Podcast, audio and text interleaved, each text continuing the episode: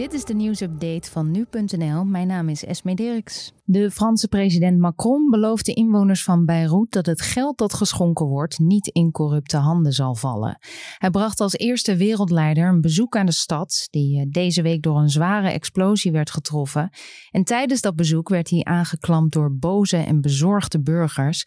Libanon wordt al jaren geplaagd door politiek en economisch wanbeleid en de bevolking is bang dat het geld dat internationaal gedoneerd wordt in verkeerde handen zal vallen. Macron hoopt dat de explosie de start van een nieuw begin kan worden. Dat zei hij vandaag. Vanuit de Europese Commissie wordt 33 miljoen euro vrijgemaakt om Beirut te helpen. De koepel van middelbare scholieren wil voor 17 augustus advies krijgen over ventilatiesystemen. Op die dag gaan de scholen weer open en daarom willen ze duidelijkheid nu die systemen toch een rol lijken te spelen in de verspreiding van het coronavirus. Deskundigen maken zich zorgen over aerosolen. Dat zijn kleine druppeltjes die mensen op een afstand verder dan anderhalve meter zouden kunnen besmetten. Maar het RIVM zegt ook dat er vooralsnog te weinig bewijs is. De VO-raad wil in elk geval duidelijkheid voor de start van het nieuwe schooljaar. De politie heeft meer dan duizend tips gekregen in het onderzoek naar de dood van de 14-jarige Tamar uit Marken. Ze werd eh, doodgereden door een nog onbekende automobilist.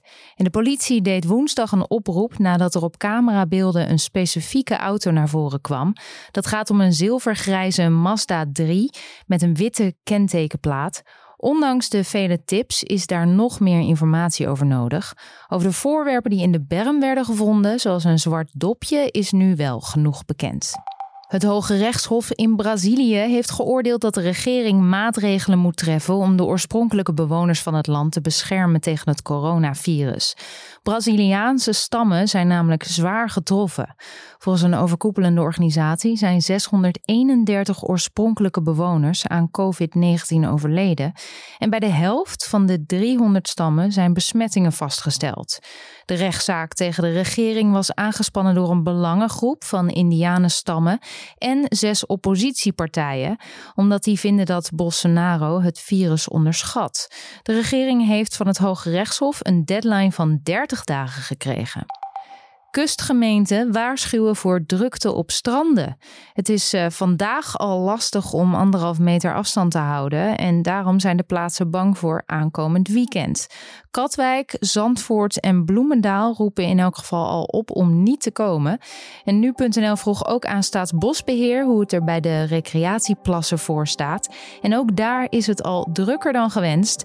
Wel zegt Staatsbosbeheer dat er in de bossen nog voldoende ruimte is om te recreëren. En dit was de nieuwsupdate van nu.nl.